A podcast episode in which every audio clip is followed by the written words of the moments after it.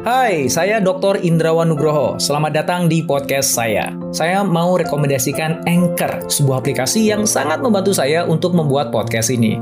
Layanan Anchor itu gratis dan kamu bisa download di App Store atau Play Store atau bisa juga diakses di websitenya www.anchor.fm. Yuk, mangga dicoba.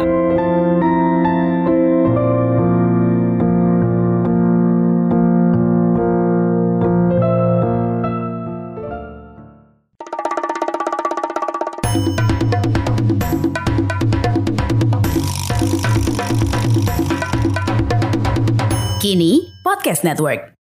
Hari ini kita akan ngobrol bareng Mas Salman Subakat, CEO PT Paragon Technology and Innovation, di mana produk-produk kosmetiknya yang lokal itu ternyata bisa mengalahkan brand-brand kosmetik global. Sebut aja, misalnya kalau kita nyebut merek nih ya, dari Unilever, dari Maybelline, dan juga ada dari Jepang ada Shiseido, yang ternyata itu semuanya udah kegeser sama produk-produknya beliau ini. Ada Wardah, ya, ada Emina, dan lain sebagainya nanti dia akan cerita.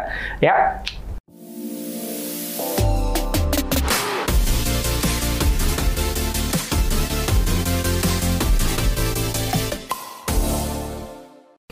Mas Salman, um, kita mulai dulu nih sebelum Oke. ngomongin strateginya Yap. uh, Paragon dalam menguasai market share untuk industri kosmetika di Ya. tanah air.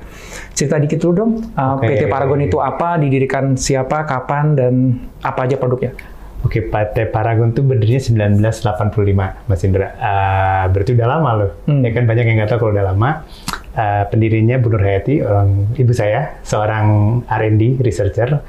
Eh, lalu Wardah itu tahun 95.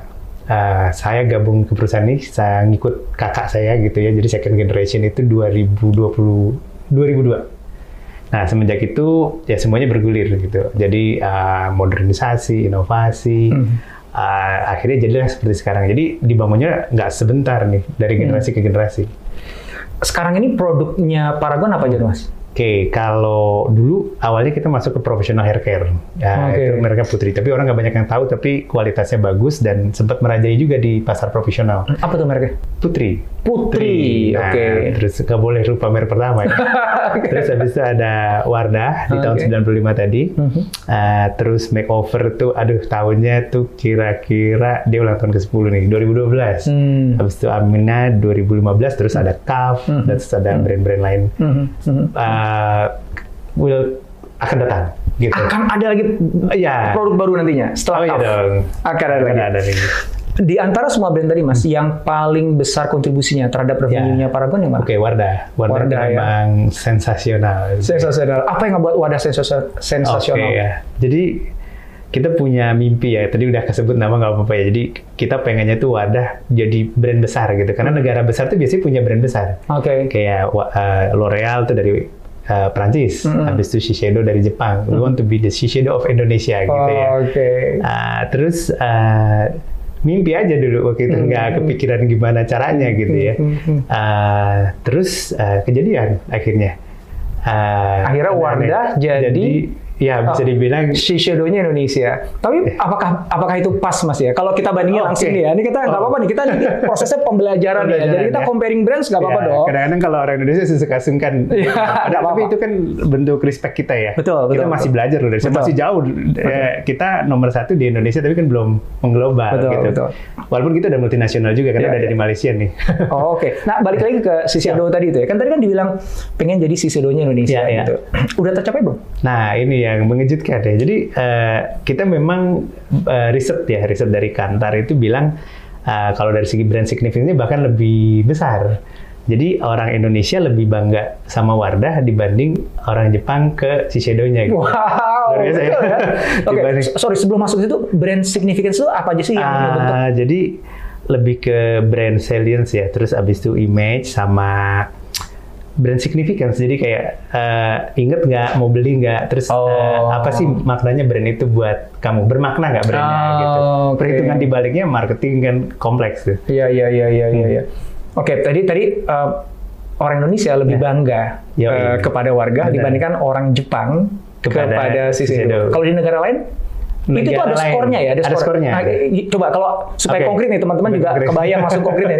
Skornya gimana tuh? Ya kalau misalnya Korea mungkin nomor satunya kan eh, Swalsu sama eh, Innisfree. Hmm. Eh, itu skornya kira-kira 10,2.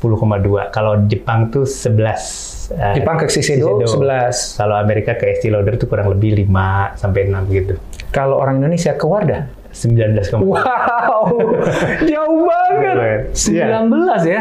Ya itu bentuk kepercayaan orang Indonesia kita juga nggak nyangka sebesar itu Oke. karena kan selama ini kan surveinya selalu eh, dibandingkan dengan sesama Oke. yang ada di Indonesia gitu. Nah ini menarik nih teman-teman semuanya. Kita kan nanti kita kayaknya harus ngomongin tentang tentang local brand lebih dalam lagi ya. Jadi bahwa ada sebuah tren di masyarakat bahwa Ya. kita tuh udah mulai melihat produk Melihat. lokal bukan hanya sekedar setara dengan produk global ya, tapi muncul ada kecintaan, ada Betul. kecenderungan untuk lebih memilih produk lokal ya. Betul, Tapi betul. sebelum sampai ke sana Mas, nih masih mencoba untuk membanding-bandingkan ya supaya Ya. saya juga paham dan teman-teman juga paham dudukannya uh, Paragon dengan Ya. Warah dengan kawan-kawannya Oke. itu dibandingkan dengan merek global yang ada di. Indonesia itu Ya. kayak gimana gitu ya. Siap. Kalau tadi kan konteksnya kan brand significance-nya. Ya. Yang Wadah 19, sekian, yang lain-lain tuh Ya. kayaknya belasan di bawah 10 bahkan banyak ya.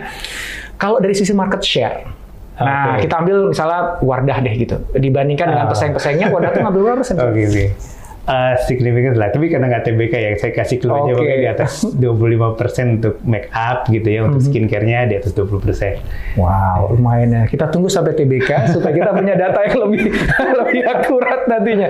Dan itu signifikan ya. Karena kalau uh, the next player-nya pemain yang ngikutin Oke. Wadah tuh berapa persen biasanya? Kalau untuk make up mungkin yang eh, paling deket ya setengahnya kali ya. Eh, tapi kalau Oke. untuk skincare ya karena Banyak. grup dari katakanlah dari ya Unilever itu kan banyak brandnya ya pasti. Kalau diakumulasikan jadinya gede. tapi kalau face care eh, kita udah mirip ada kadang menang.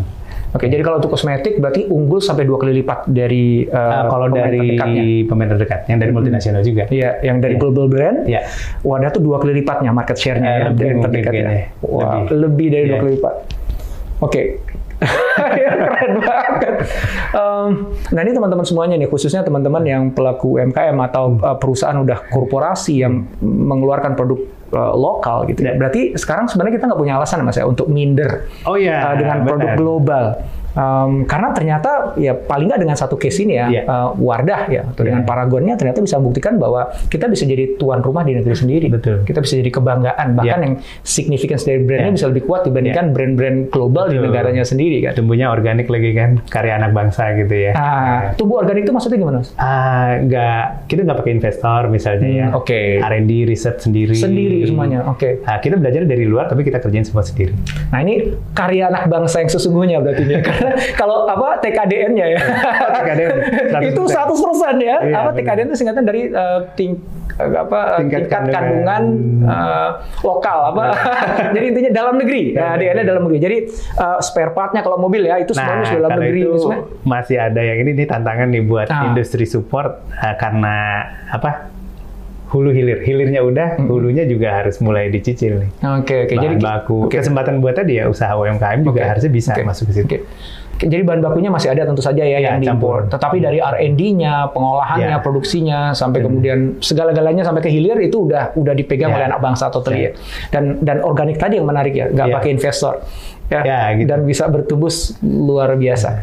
Nah, sekarang langsung masuk ke, ke daging dari pembahasan kita Iya. nih. Um, strateginya mas, gitu. Ini pasti Strategi teman-teman ya, pada pengen tahu nih, saya juga pengen tahu. Um, gimana kok bisa Wardah sampai menggeser uh, kedikdayaan dari Ya, ya, brand-brand ya. global bukan hanya sekedar di market share mereka yang Ya. akhirnya berkurang gara-gara serangan dari Wardah ini, tapi Ya. juga di mind share-nya mereka juga Ya. berkurang. Siap, siap, Dan siap. apalagi dikaitkan sama yang brand signifikan tadi itu strateginya gimana? tuh? Ini menarik ya. Jadi pertama dari confidence dulu. Kan maksudnya inovasi itu butuh kepercayaan diri. Hmm. Jadi eh, kita lihat bahwa ya kalau brand lokal Korea bisa, Jepang bisa, sama-sama aja kenapa kita nggak bisa? Itu Hmm. satu. Terus kedua banyak insight sama support tadi ya. Jadi waktu itu ada Bu Mari Alka bilang eh, data-datanya itu mendukung orang Indonesia itu sebenarnya menanti sebuah brand lokal sebetulnya. Hmm. Jadi waktu itu saya wah ini uh, aha momen banget waktu itu dengar Hmm. dari Bu Mari Elka terus uh, akhirnya kita uh, seriusin. Terus satu lagi mungkin values ya. Jadi ada satu artikel, ini kadang-kadang sadarnya belakangan Mas. Jadi dia bilang, don't do it for business, itu juga penting sih. Oke. Karena eh, ketika eh, pesaing kita melakukan untuk bisnis, kita melakukan beyond bisnis, kan petanya jadi beda. Itu sampai ada ditulis di Harvard Business Review. Kalau misalnya kita datang ke suatu negara, dan pemain lokalnya tidak melakukan sekedar untuk bisnis, memang sulit untuk dilawan gitu. Oh. Iya. Karena udah ngomongnya values, cita-cita, purpose gitu. Itu susah dilawan karena memang mereka jadi punya daya juang yang tinggi atau susah dilawan karena mereka menjual, Hmm. Menjual. sesuatu beyond sekedar Oke. uh, functional products. Ya, jadi eh, itu benar sih. Tadi karena kan di balik cerita ini kan Wardah dulu kan pengen ibaratnya image eh, misalnya wanita berhijab gitu, Mhm. Eh, punya peran lebih di masyarakat. Eh, Jadi itunya emang kita pegang banget gitu. Jadi eh, mungkin pertama kali orang berhijab ada di retail, terus akhirnya lama-lama makin signifikan. Habis itu hijab terus booming itu kita kan nggak cuma ikut ya, tapi kita ikut ngebangun. Nah di situ tuh Mas Indra, kalau kita tumbuhnya bareng sama masyarakat tuh kan artinya jadi beda. Nah Hmm. di situlah kita ngelihat tuh banyak apa ya uh, support gitu. Sampai kan ada Jack Ma tuh saya selalu ngutip sih sebetulnya kalau suksesnya itu udah beyond bahkan kita sendiri ya founders yang nggak mimpi sebesar ini, berarti kan ada dukungan masyarakat yang besar banget di balik bisnis kita. Hmm. Itu sih sebetulnya. Jadi kita rasakan dukungan masyarakat tuh besar banget, dapat momentum, momentum itu juga kita ikut bangun, ya akhirnya eh, ya beyond imagination juga gitu suksesnya. Ketika Mas tadi bilang dapat dukungan dari masyarakat, itu wujud konkret Oh, dukungan wujud kayak apa? konkretnya. Eh, dulu eh, di digital sebelum ada algoritma itu kerasa banget gitu kayak misalnya kita nggak usah jawab sesama konsumen jawab gitu bagus kok. Itu apa di, dia mana di, di, Facebook misalnya Di Facebook. pada zaman itu ya. Jadi semuanya itu sangat organik gitu. Jadi dia bisa secara spesifik bilang "Eh, aku ini pakai Wardah karena temen, karena pelayanan dari beauty advisor gitu. Jadi banyak hal-hal yang organik, real interaction gitu antara kita sama konsumen dan sesama konsumen itu memang akhirnya membangun brandnya. Oke, so aku lihat tadi jawaban pertama adalah eh, karena memang punya purpose yang lebih besar Ya. dibandingkan sekedar berbisnis. Betul. Gitu ya. Um, yang kedua adalah um, ada um, apa wave gelombang uh, semangat Ada berhijab ya, yang waktu semangat itu uh, apa namanya Wadah sedang udah duluan gitu ya. Nah, wa- udah duluan tuh maksudnya gimana? Nah, Apakah gini. Hmm. Wardah itu sudah mem- memulai gerakan itu dulu sebelum kemudian gerakan Ya. hijabers dan lainnya muncul atau atau menunggangi Oke. malah? Nah gini, Mas Indra kan bingung. Saya juga yang waktu itu juga bingung gitu. Wah gimana merepresent Wardah gitu dengan tadi eh, pengen setara dengan global brand. Oke. Berarti kan, eh, oh Mas Indra juga, Mbak Nina kan desainer Hmm. gitu ya. Jadi eh, ya kita ciptakan desain kita sendiri. Kita ciptain gaya kita sendiri, pemotretan sendiri, fashion statement kita sendiri. Yang waktu itu belum ada. Karena ekosistemnya kan belum ada. Nah, Hmm. jadi ketika kita udah memunculkan malah jadi angin segar kan. Uh, ada di iklan TVC misalnya. Mhm. Sehingga uh, fashion itu juga masuk. Jadi makanya kita tumbuhnya bareng gitu. Hmm. Dan ketika ditanya sama fashion designer kan, nah itu kan kita juga punya prinsip selalu belajar ya. Kita selalu pengen belajar sama fashion designer, fashion designer, wah terbalik justru kita selama ini belajar sama Wardah. Nah, hal-hal kayak gitu tuh masih udah kayak, wah Oke. oh ternyata kita tuh tumbuh bareng gitu ya. Oke. Dan itu yang akhirnya tambah confidence, tambah confidence ya akhirnya sampai kayak gini sekarang. Jadi Wardah itu ketika dirilis pertama kali Hmm. Uh, movement ya, gerakan untuk uh, hijabers dan ya Oh, belum belum itu ada. belum ada dulu. Belum ada jauh banget, Hmm. jauh banget. Nah- Mungkin tiga tahun, empat tahun sebelumnya. Gitu. Nah, gimana Wardah mencoba untuk ngebangun brand? Oh, iya. Kan ketika Wardah pertama kali keluar itu langsung mendudukan diri sebagai uh, Iya. kosmetika halal ya waktu itu ya dan ditujukan untuk orang Iya. yang berhijab. Benar, tahun 95 kan jadi bisa dibilang 2003-2004 tuh seperti relaunch. Kan banyak yang nyangka, wah Wardah itu masih baru tiba-tiba udah besar. Sebetulnya ceritanya tuh panjang. Oke. gitu. Jadi ketika relaunch itulah waktu itu pasar hijab juga belum ada, tuh belum belum besar. Hmm. Kalau tanya gimana ya perjuangan? Nah, oke. Pertama kali launch itu tahun berapa? Ah, 95 kan? Oh iya betul, 95 atau 95. 95 95. Abis itu baru kemudian gerakan berhijab itu, Itu tuh kira-kira 2006 2007 lah. 10 kan. tahun kemudian setelah 10 di launch. ya, setelah di launch. Berarti selama 10 tahun Iya. itu yang nggak dapat traction kuat ya. Enggak, ya enggak. Tapi pada sejak awal, Malah kadang-kadang orang bingung kenapa harus halal, kenapa harus hijab gitu.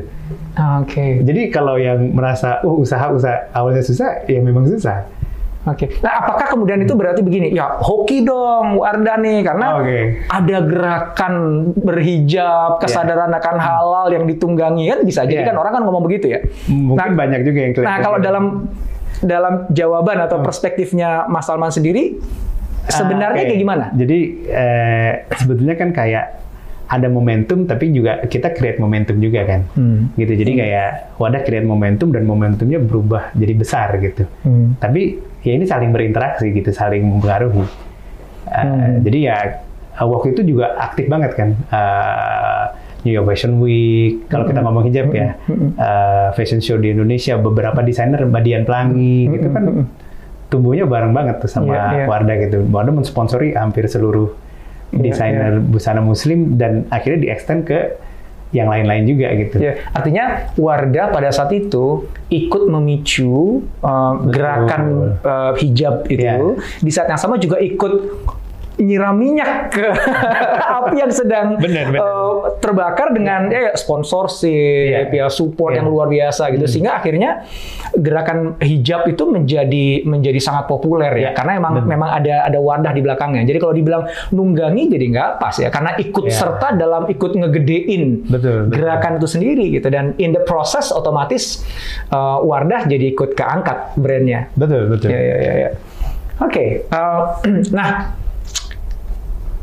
balik lagi ke ke pertanyaanku tadi Ya. ngomongin strategi. Berarti kan tadi baru dua nih aku dapatnya Ya. nih. Pertama adalah ada Oke. ada ada ada giroh semangat bukan hanya berbisnis tapi purpose Ya. ya. Dan yang kedua adalah ki- kita eh, ikut serta bersama dengan masyarakat Hmm. Ya. menggelorakan semangat berhijab dan Ya. menggunakan kosmetik Hmm. halal yang tadi udah disebut.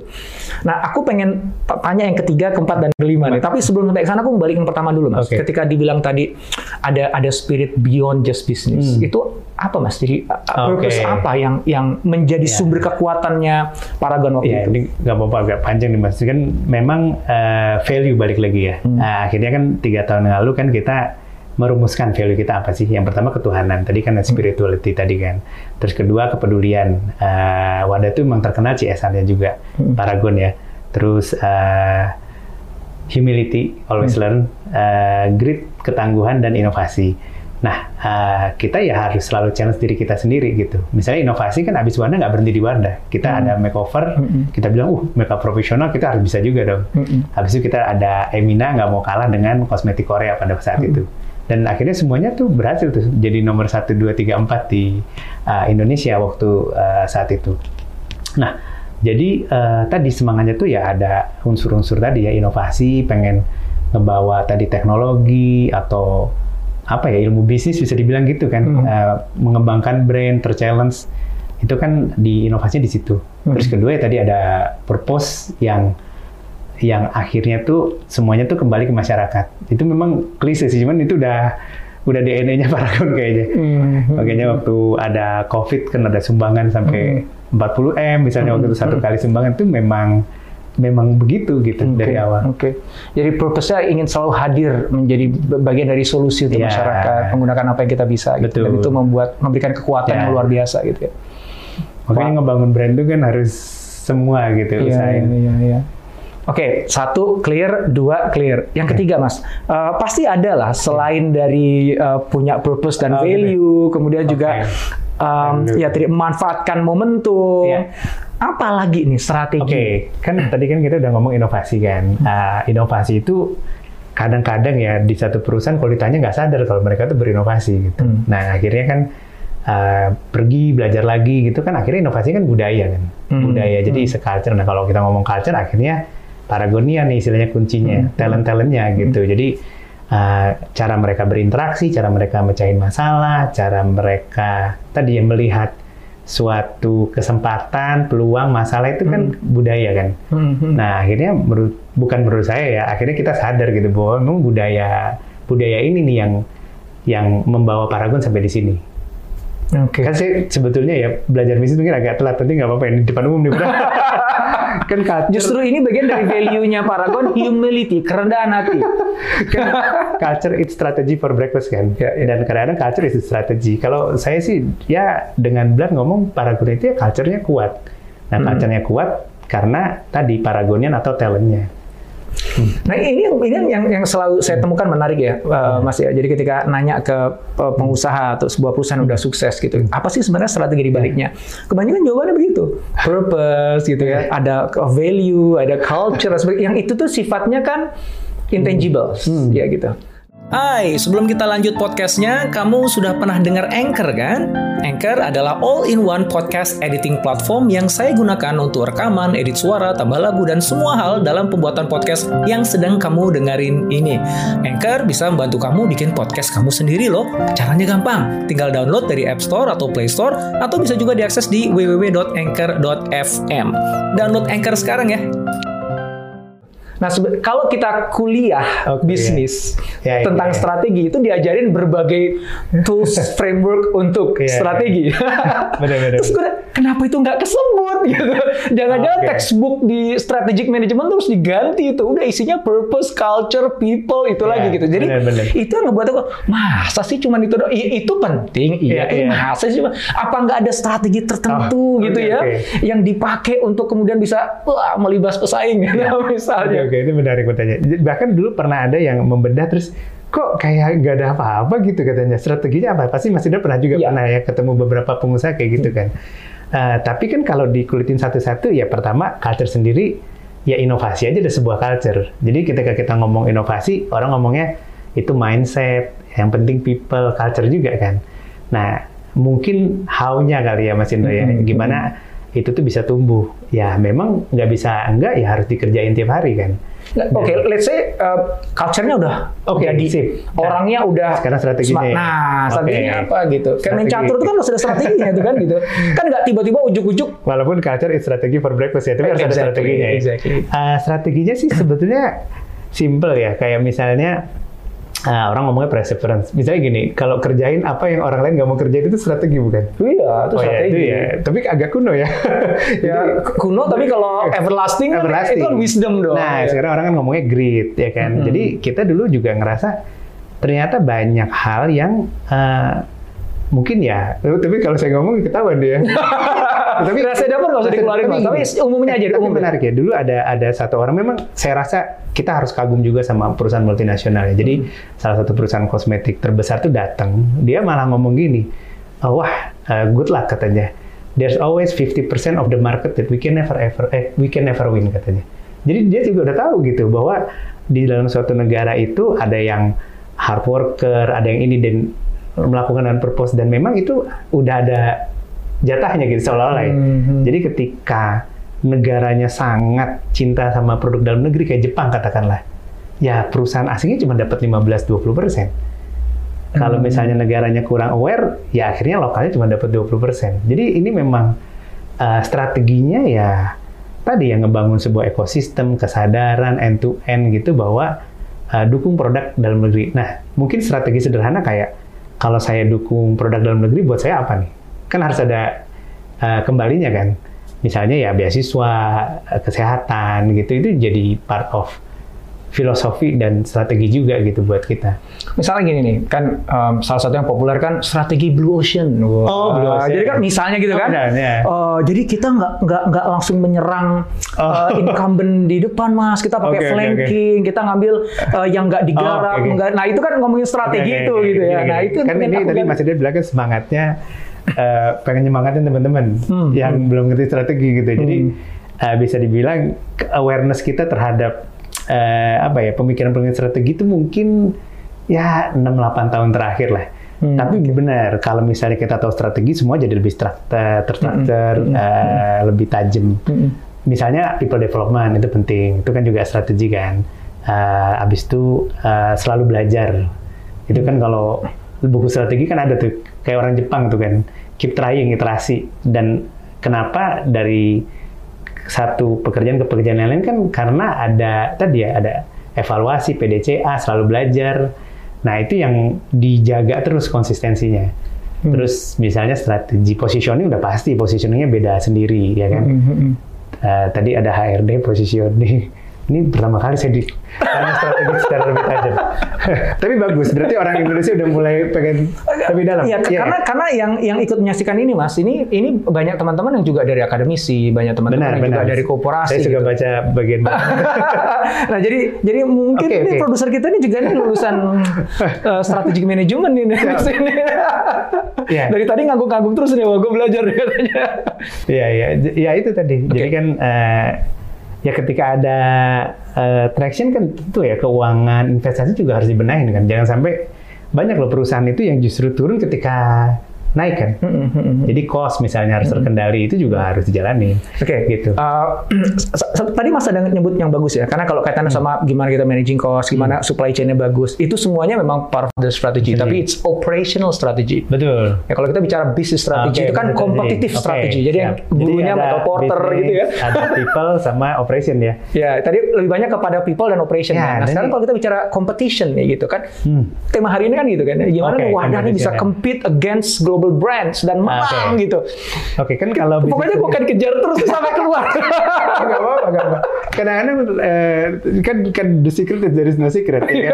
Jadi kan eh, brand itu paling bagus kalau dia relevans, Oke. jangka panjang, ya Oke. kan. Jadi berarti kan eh, kenapa suksesnya itu jangka panjang karena kan berpikir jangka panjang nggak lucu gitu ya nyebelin jawabannya jadi kalau pengen sukses jangka panjang ya mikirnya jangka Iya, iya, panjang iya, iya. ya kan Oke, obvious. berarti kan ada tadi yang short term yang harus jago operation, tactical, tapi juga jangka panjang. Nah jangka Hmm. panjang kan udah jelas tadi kan to be the Shiseido of Indonesia. Jadi langsung aja gitu kan, apa yang mereka lakukan sehingga uh, mereka bisa kuat gitu. Padahal siapa sih nggak mau masuk pasar Jepang kan?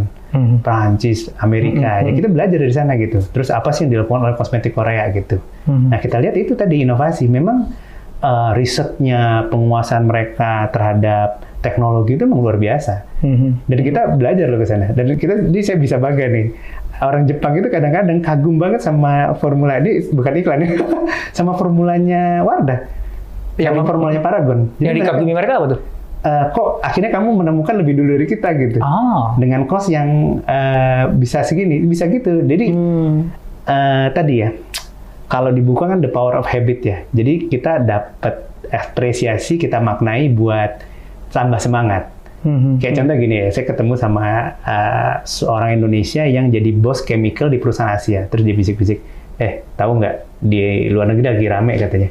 Uh, Paragon has uh, global world class, world class R&D katanya. Kadang-kadang yang kita di dalam kan nggak tahu ya.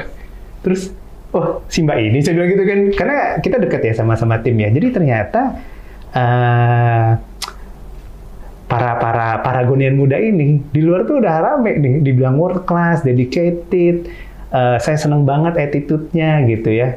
Mereka eh, sangat dedicated. Ya, jadi akhirnya jadi tambah pede dong. Mhm. Kan semua mulai dari orang kan. Kalau kita talentnya udah dinilai bersaing secara global, ya karyanya otomatis kan nanti akan jadi global. Nice. Nah itu bagus ya. Kan ada UMKM berstandar global. Mhm. Co- Contohnya gini ya, kita ke luar negeri ada suatu restoran rame banget itu kan UMKM kan, Hmm. tapi berstandar global. Semua orang gitu. dari mancanegara kalau ke sana pasti makannya di situ. Nah itu iya, contoh gitu Iya, nggak iya. sejauh-jauh gitu. Tadi Mas sempat menyebut ada yang menarik tuh bahwa um, melakukan sesuatu yang orang lain nggak lakukan. Iya. Tadi sempat kesebut itu ya. siap. Nah, that might be the strategi yang gue cari-cari itu.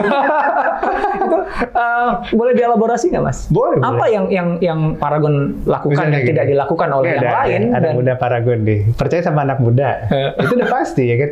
Karena saya kan mulainya sebagai anak muda. Jadi kalau ditanya, eh, jawabannya agak romantis nih. Dia bilang gini, kalau nggak gini, kok percaya banget sama anak muda? Kalau tidak percaya anak muda mengkhianati sejarah, saya bilang. Iya. Wah, kan bagus ya.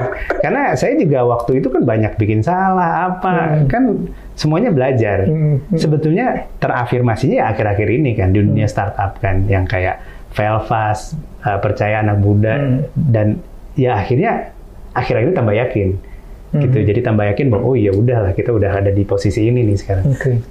Ah, Iya, kayaknya jus-nya udah mulai kelihatan. jus dari strateginya. Ini nggak sesuai sama tertor ya nih. Tapi bagus.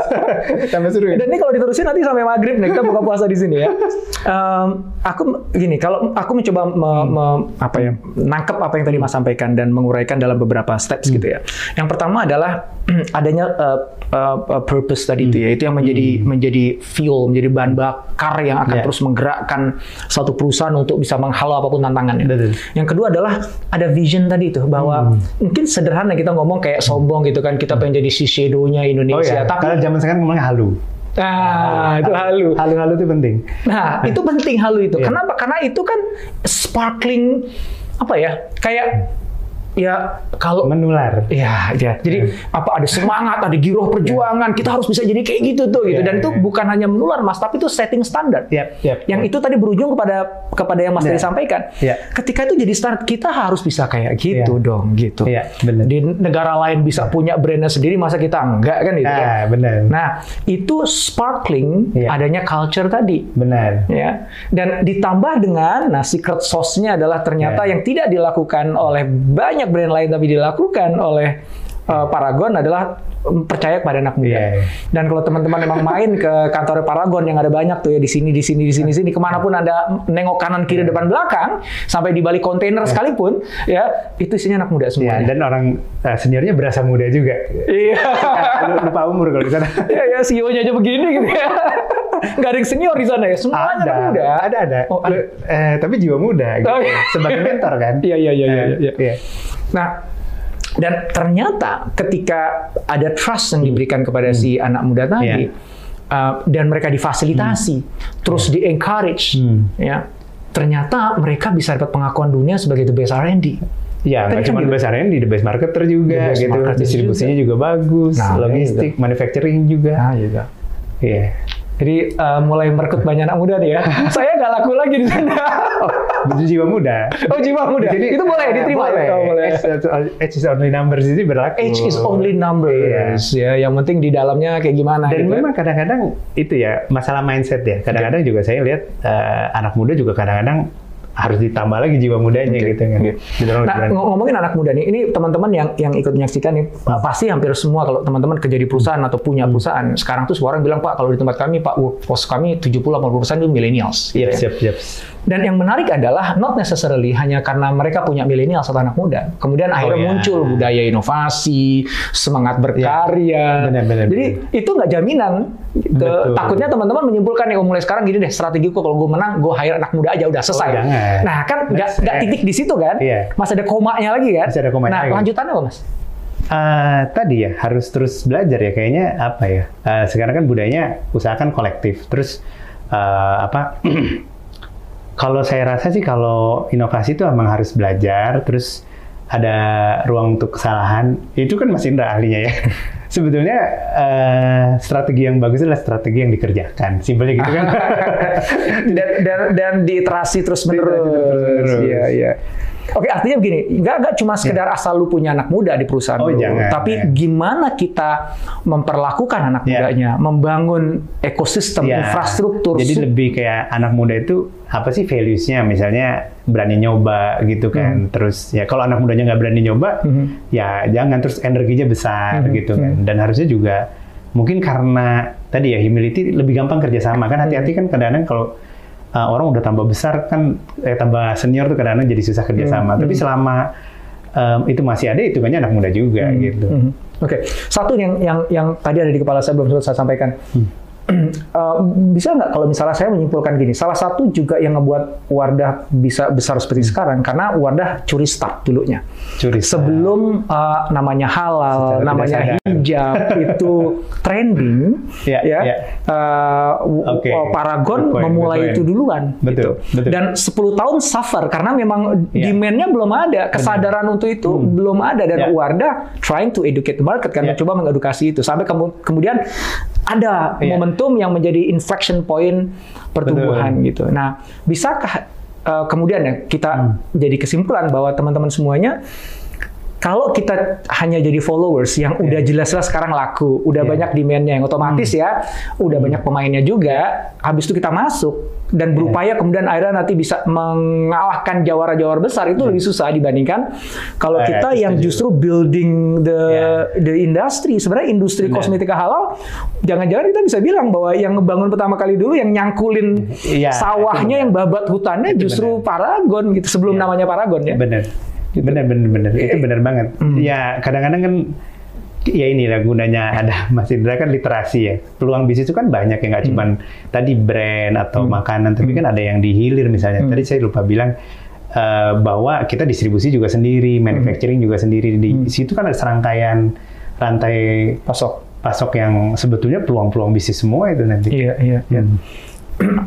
Selain Wardah kan ada Emina, Emina, ya, ada Makeover, Makeover, Calf Calf. gitu ya. Em, kalau sekarang ini kan majority dari revenue-nya masih dari Iya. Wardah gitu kan. Em, ap- menurut Mas ya, em, ini tentu aja mungkin bukan kajian ilmiah atau yang sudah dengan Iya. pemikiran matang ya. Ini mungkin hanya muncul di kepalanya Mas aja gitu ya. Sejauh mana bahwa brand-brand lain selain Wardah tuh punya peluang juga Oke. Nah ini bisa menarik nih. seperti Wardah. Kalau di Jepang kan eh, tiga pemain lokal dan 10 itu akhirnya bersama-sama eh, contribute to 80%. Jadi kalau ini ngajak ayo dong bareng-bareng gitu kan. Eh, 80% eh, ya nggak apa-apa ini kan sembilan bisnis ya kan ada grupnya Shiseido, Kose dan eh, Kao. Itu dan mereka pegangnya end to end. Ada yang punya pabrik bahan baku, ada yang punya chemical gitu. Dan akhirnya pemain kalau multinasional kan identik dari barat ya. Akhirnya cuma dapat 15-20%. Kalau sekarang kan masih banyak yang komposisinya seperti itu kan.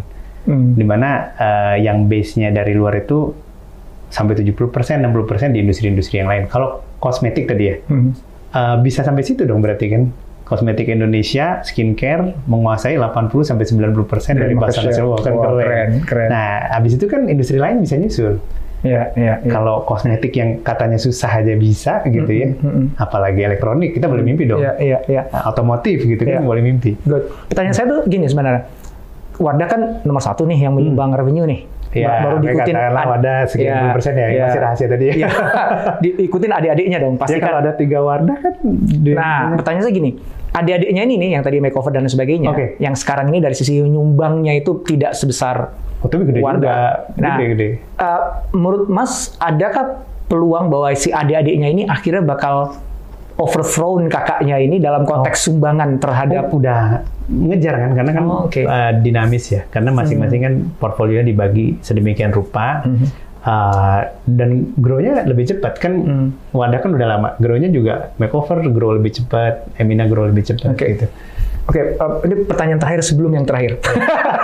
Eh, terlalu ngomongin- seru ini terlalu seru Pengennya sih gue nggak berakhir-berakhir nih, cuman nih kayak produser kita udah ngasih tahu nih time, duration, duration. Eh, Korea kan happening banget mas, ya gitu ya. Eh, dan kayaknya everything is Korea deh sekarang iya, deh, mau iya, makanan iya, apa iya. termasuk juga suka, cosmetics gitu kan ya. Eh, pertanyaan gini, em, dalam pandangannya mas Hmm. nih, memotret ancaman ancaman dari Korea terkait dengan industri kosmetik ya Iya, dan iya, iya. skincare Iya, iya, iya. Uh, yang dilihat oleh Mas itu terhadap para pelaku lokal Iya. yang ada di Indonesia tuh kayak gimana? Justru saya dapat beberapa insight kosmetik Korea tuh aduh ini lokalnya udah gede gitu jadi Maksudnya gimana? Kalau masih Korea ngomong aduh, ngomong ya ya sorry harusnya pakai bahasa Korea ya. jadi dia bilang eh, gue.